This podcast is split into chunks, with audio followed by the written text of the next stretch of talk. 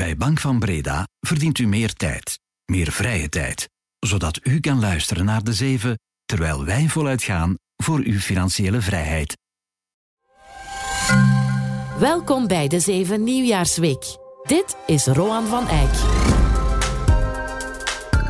Goedemorgen. Wat gaat er gebeuren met jouw geld in 2024? Op 1 januari is er een nieuw aanslagjaar begonnen. De fiscus heeft dus weer wat belastingregeltjes veranderd. Hoe kan je daarvan profiteren? En hoe optimaliseer je de komende maanden je gezinsuitgaven? Vakantie, telecom, nalatenschap. We gaan het hebben over belastingen en gezin met netto-experte Jasmin Heijvaart. Goedemorgen. Goedemorgen, Roan. Een hoger grensbedrag voor pensioensparen. Een hogere fietsvergoeding. Meer fiscaal vrijgestelde overuren. Er zijn heel wat belastingnieuwigheden.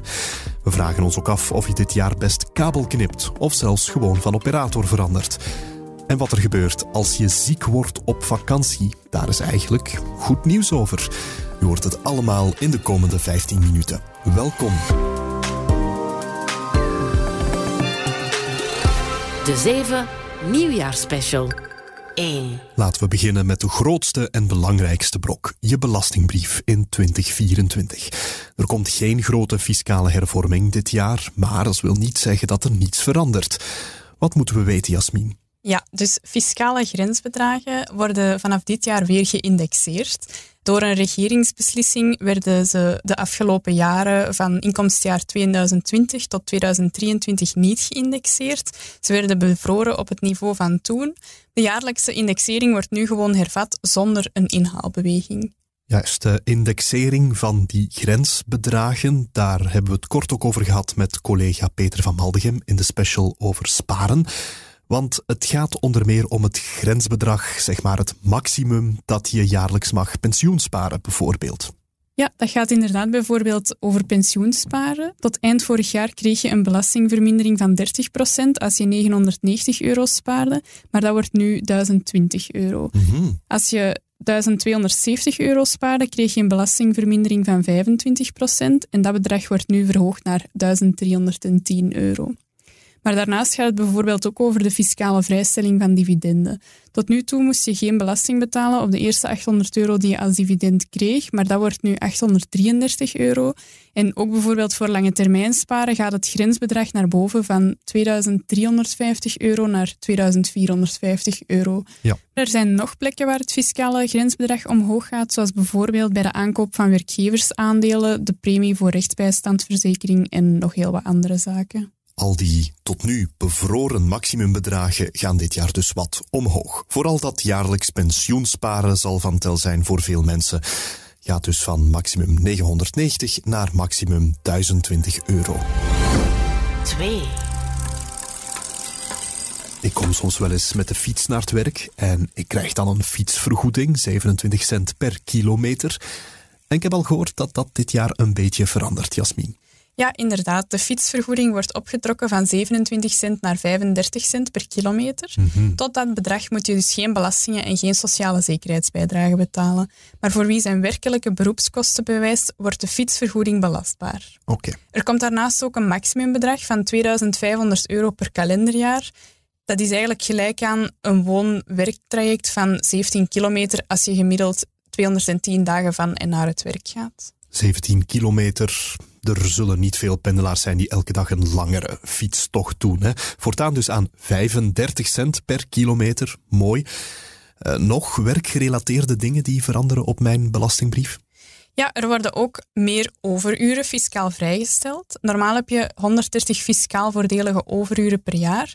Dat stijgt naar 180 in 2024. Voor die uren is er een vermindering van de bedrijfsvoorheffing. Daarnaast kan je volgend jaar ook 120 relance overuren presteren.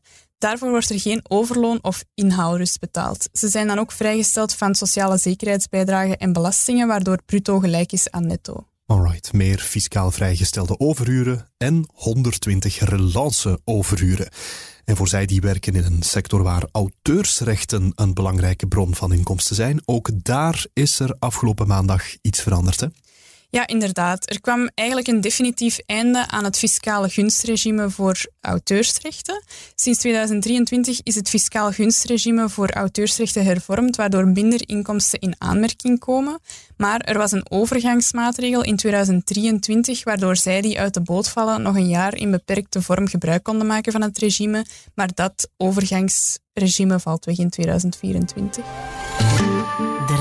3. Wat verandert er dit jaar nog op je belastingbrief? Wel, als je een huis huurt dat je deels ook professioneel gebruikt, dan moet je opletten. Wat is er nieuw dit jaar, Jasmin? Wel, er komt een nieuwe aangifteplicht voor huurders die hun woning professioneel of deels professioneel gebruiken en de huur deels of volledig als werkelijke beroepskosten inbrengen. Zij zullen bij hun belastingaangifte van volgend jaar een bijlage moeten toevoegen met daarin informatie over de verhuurder.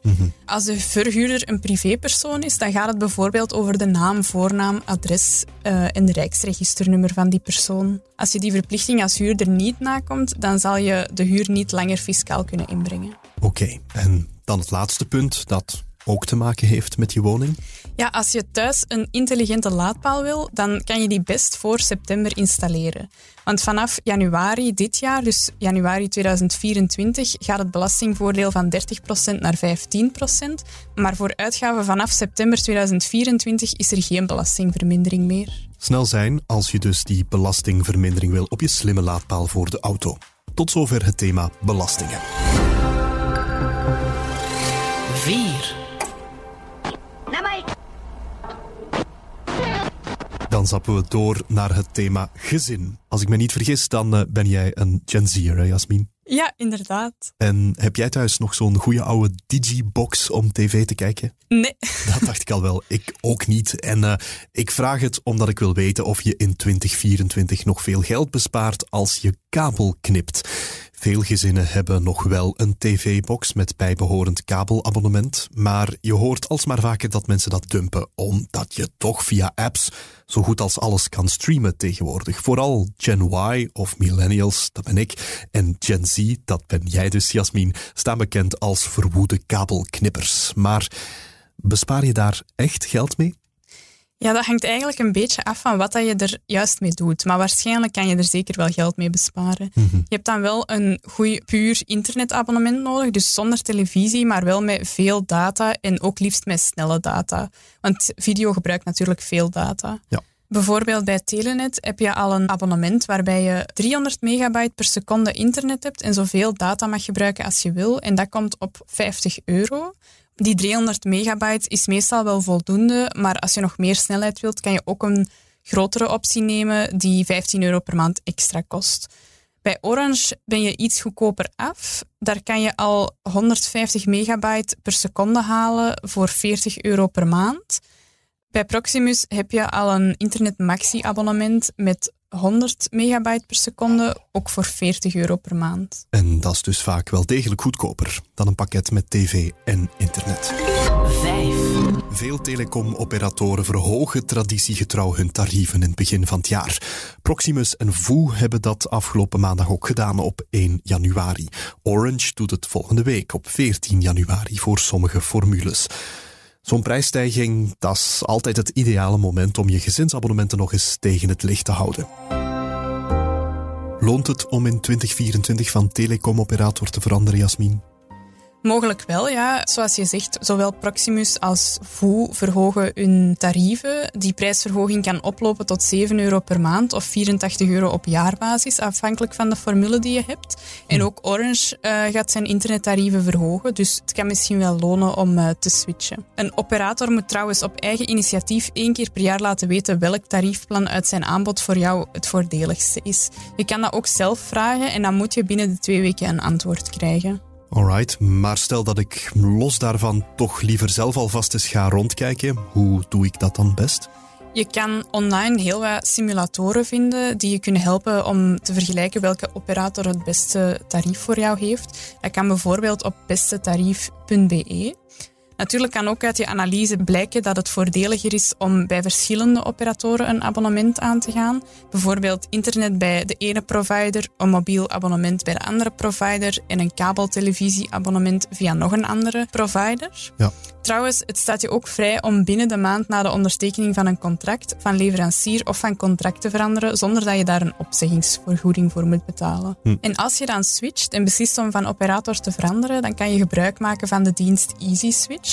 Dat is een dienst waarbij telecomoperatoren zelf alle administratieve en operationele procedures moeten afhandelen als je je vaste diensten overdraagt en als je pakket minstens één vaste internet- of televisiedienst bevat.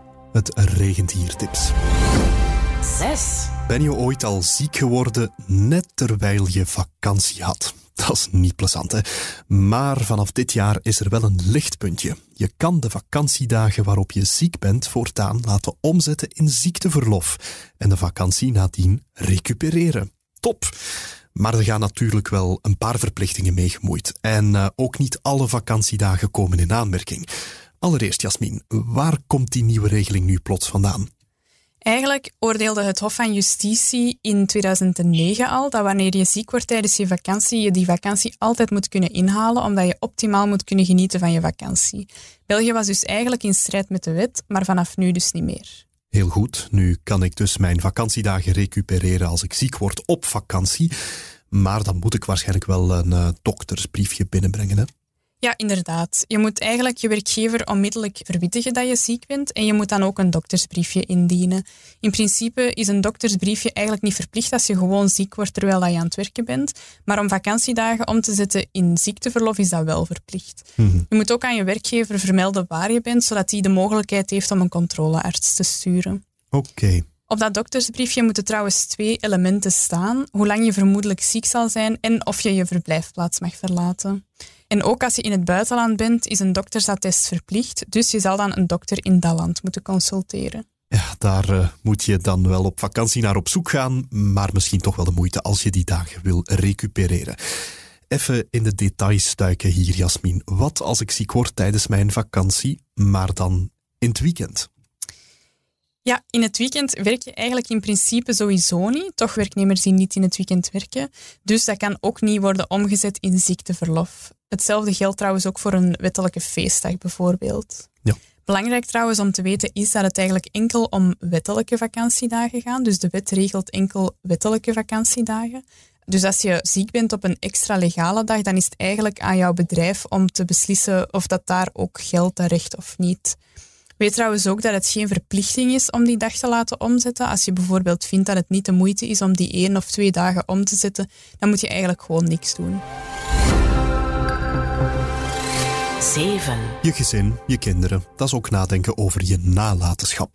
Het nieuwjaar is altijd een goede gelegenheid om dat nog eens onder de loep te nemen. Is je successieplanning nog up-to-date voor 2024? De regelgeving daar rond verandert gelukkig niet zo regelmatig, maar er zijn elk jaar wel een paar kleine aanpassingen. Wat is er deze keer veranderd, Jasmin? Eigenlijk is er enkel in Brussel iets veranderd. Ten eerste kunnen feitelijk samenwonenden onder bepaalde voorwaarden worden gelijkgesteld met gehuwde koppels en wettelijke samenwoners. Hm. Om van de voordeligste tarieven te kunnen genieten, moeten samenwoners aantonen dat ze al een jaar lang minstens hebben samengeleefd in een gemeenschappelijk huishouden. En om het verminderd tarief voor de gezinswoning te kunnen genieten, moeten ze bewijzen dat ze minstens drie jaar feitelijk samenwonen. Oké. Ten tweede wordt er ook een verlaagd tarief van 3% ingevoerd op de eerste schijf van 15.000 euro voor personen die belast worden tegen de tarieven die van toepassing zijn tussen broers en zussen, neven, nichten, ooms en tantes en tussen alle andere personen. De voorwaarde is dat die personen specifiek vermeld staan in het testament van de overledene. Hierdoor kunnen alleenstaanden of mensen zonder familie die hulp en ondersteuning hebben gekregen van iemand met wie ze geen familiebanden hebben, iets aan die persoon nalaten zonder dat hij daarop een zeer hoge erfbelasting moet betalen. Oké, dat is dus voor Brussel dit jaar. En om af te sluiten, naast wat er dit jaar verandert, Jasmin, staat onze netto-gids trouwens ook vol algemene tips over successieplanningen. Ja, inderdaad. In de gids staat ook nog bijvoorbeeld of je successieplanning nog up-to-date is, of je meteen belastingen moet betalen als je schenkt of niet, hoe je je kleinkind of kind het beste kan helpen om een eerste woning te kopen en zo van die zaken. Voilà, jij en je portemonnee kunnen op dit punt niet beter voorbereid zijn op het nieuwe jaar. Jasmin, heel erg bedankt voor al je tips over belastingen en gezin. Graag gedaan. En ik hoef je ten tussen waarschijnlijk al niet meer te zeggen, maar toch, je vindt al onze tips terug in de netto-gids en op tijd.be slash netto. En als je doorheen het jaar op de hoogte wil blijven van wat er verandert voor je portemonnee, schrijf je dan in op onze gratis netto nieuwsbrief. We zetten de links in de show notes. Morgen alweer de laatste nieuwjaarsspecial van dit jaar. Daarin gaan we het hebben over hoe je in 2024 best kunt beleggen. Heel graag tot morgen. Dit was een nieuwjaarsspecial van De Zeven met Roan van Eyck. Een recensie in je favoriete podcast-app doet ons veel plezier. Heb je feedback? Stuur het gerust naar podcast.tijd.be. Morgen zijn we er weer. Tot dan!